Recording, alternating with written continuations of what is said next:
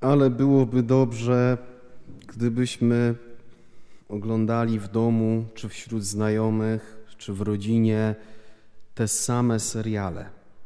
Byłoby może więcej tematów do rozmów, a może nie byłoby czasem napięcia, że to, a nie tamto, szczególnie jak jest bitwa o pilot albo o telewizor.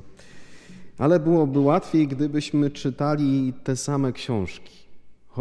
Można byłoby wymieniać się jeszcze bardziej wrażeniami, ale byłoby pięknie, gdybyśmy wśród bliskich i wśród znajomych oglądali te same filmy, a nie jedna chce komedię romantyczną, ktoś tam chce o jakichś potworach, a ktoś inny jeszcze jakiś przygodowy albo western, matko i córko. To dopiero nieraz rodzi zamieszanie. Ale byłoby łatwiej, kochani, gdybyśmy oglądali tę samą stację telewizyjną, a nie, że jedno coś ogląda, a drugie mówi, no przełączyłabyś to w końcu, nie idzie w ogóle na to patrzeć. No, a w, odpowiedzi jest, a te twoje durne o wędkowaniu albo jakieś tam dokumentalne, albo piłka nożna, ja tego nie rozumiem. No i już może być godzina ciszy. Byłoby łatwiej, gdybyśmy słuchali tej samej rozgłośni radiowej, szczególnie jak jedziemy na zakupy albo do centrum coś załatwić. Ile razy musiało być tak w aucie, że trzeba było w ogóle wyłączyć radio, żeby zapanowała w miarę jakaś zgoda. O ile byłoby, kochani, łatwiej, gdybyśmy w pracy, w szkole, e, na uczelni wyznawali te same wartości. A tak to czasami czaimy się, e, nie wiedząc, czy jeszcze to zdanie albo to, te pół zdania można powiedzieć, czy czasem e, nie wywoła to jakiejś skwaszonej miny albo burzy w relacji z drugim człowiekiem albo z grupą osób. Byłoby łatwiej, kochani, gdybyśmy podzielali tę samą wrażliwość, stawiali akcenty w tym samym miejscu, e, przejmowali się tak samo, a nie, że jedno przejmuje się e, obrusem, a drugie przejmuje się cieknącym olejem, a, a trzecie zastanawia się nad kubką pieniędzy. Nie? Wszyscy by mieli tą samą wrażliwość, to zasadniczo chyba byłoby łatwiej. A tym bardziej y, wiele problemów rozwiązałaby sytuacja, gdybyśmy mieli te same poglądy polityczne i, i nie trzeba by, y, no właśnie, chować głowy w piasek jak, jak, jak jakiś struś albo wywoływać dziwnej atmosfery przez wypowiadane zdania. I w końcu, kochani, jak parafia byłaby cudowna, gdybyśmy mieli wszyscy tę samą pobożność by wszyscy z wielką pieczołowitością czcili pierwsze piątki miesiąca, pierwsze soboty, nabożeństwa fatimskie, gdyby wszyscy po piętnastej w swoich domach, jak na akord, zbierali się na modlitwę koronki do Bożego Miłosierdzia, gdyby każda rodzina choćby raz w roku odmawiała nowennę pompejańską, a i jakaś pielgrzymka na Anaberg albo na Jasną Górę by się przydała. E, kochani, żyjemy w takich czasach, że czy jesteśmy tego świadomi, czy nie, świat y, próbuje nam wmówić, że musimy być wszyscy identyczni, że musimy być y, tymi, którzy się zmieszczą w jakimś naczyniu albo w jakichś ramkach. A jeżeli ja czuję, że nie pasuje, e, to jest takie co najmniej takie, to jest co najmniej dyskomfort. Tak?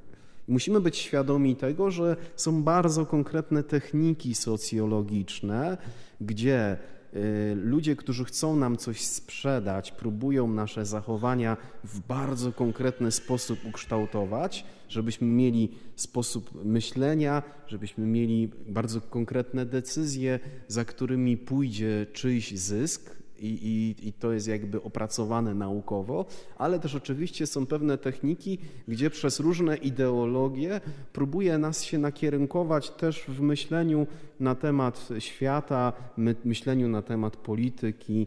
E, I jak dobrze, że jest, kochani, taka uroczystość jak dzisiaj, że jesteśmy w drugim rozdziale Ewangelii Mateusza i Pan Bóg objawia nam e, Królestwo Boże, które naprawdę nie jest z tego świata i chwała Panu.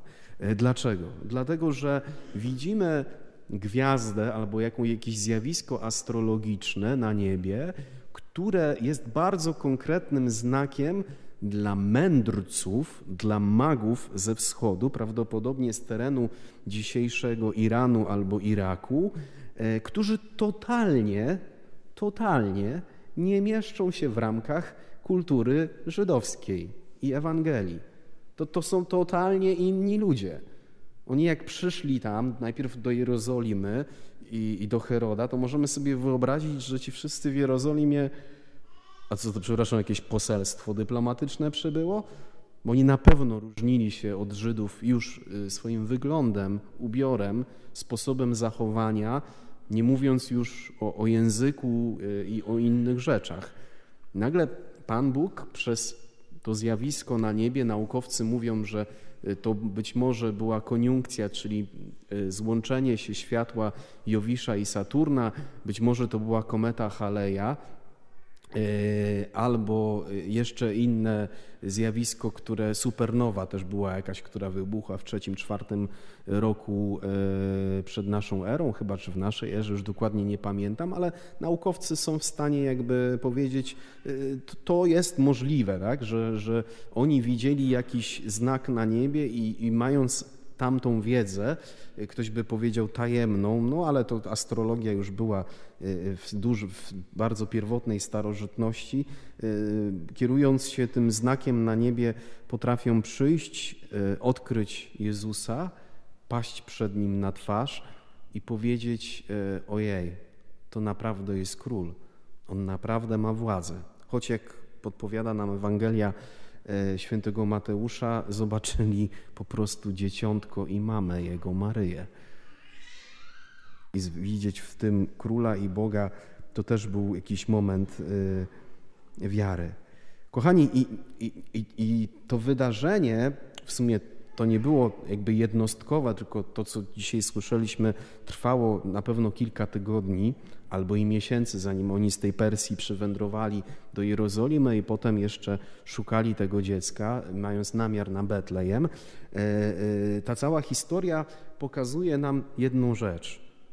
Nie chodzi w Królestwie Bożym o wkładanie w ramki, aby się zmieścić w ramkach, ale chodzi o spotkanie z żywym Bogiem, z Jezusem magowie, królowie naprawdę nie mieścili się w żadnych ramkach, ale przyszli po to, żeby spotkać Boga i żeby to spotkanie nie tylko naznaczyło ich życie, ale było takim momentem otwarcia dla nas wszystkich. Dlaczego? Bo kochani, to my jesteśmy z tego świata spoza Izraela.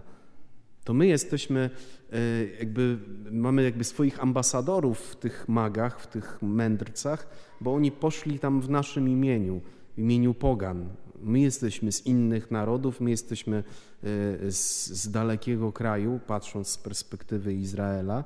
I to nam, tak samo jak tym magom, objawia się dzisiaj Jezus, zapraszając nas do tego, abyśmy coraz bardziej odkrywali, że w Królestwie Bożym nie chodzi o to, żeby się zmieścić w jakichś ramkach, ale chodzi o to, żeby się spotkać z Jezusem i żeby to spotkanie nadało mojemu życiu nowy sens, nowy smak, żeby to spotkanie zapaliło we mnie ogień, y, który będę chciał zanieść także tam, gdzie jest chłód, gdzie jest znużenie, zmęczenie, gdzie jest poczucie bezsensu y, i wielkiego pragnienia duchowego.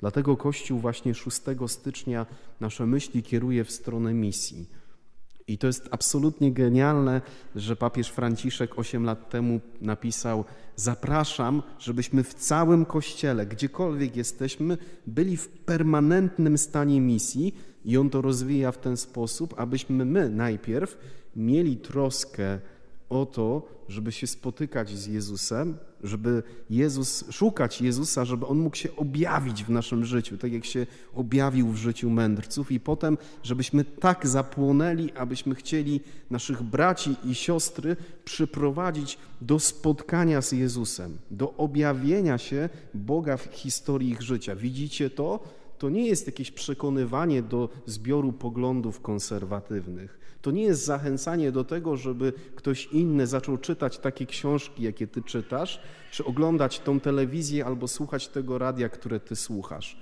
On se może czytać i słuchać, czego chce, ale właśnie do takiej historii jego życia, jaką ona jest, chce wejść Jezus I to spotkanie z Nim jest w stanie zmienić wszystko. E, po prostu wprowadzić wielką rewolucję e, w serce brata czy siostry. I uwaga, kochani, znowu kierując się takim sposobem myślenia tego świata, kiedy widzę kogoś innego obok mnie, to mogę się wręcz wkurzać, dlaczego on nie jest taki jak ja. Ale w ten sposób, przepraszam, nie będę nigdy misjonarzem. W ten sposób nie doprowadzę tego drugiego człowieka do, e, do tego, żeby spotkał żywego Jezusa. I zadaj sobie pytanie dzisiaj, czy jesteś gotowy zaakceptować inność brata, siostry, sąsiada, znajomego, a może męża, żony, dziecka, wnuka?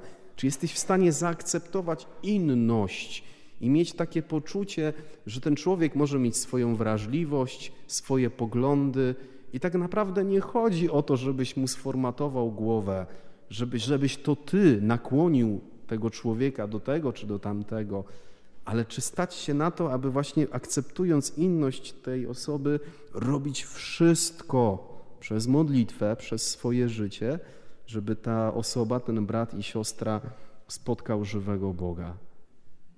Bo inaczej, właśnie, kiedy za, zamknę się w takim poczuciu, że e, inność jest niebezpieczna, że tego, co e, inne, to ja nie rozumiem i, i nie akceptuję, e, to kiepski będzie ze mnie misjonarz.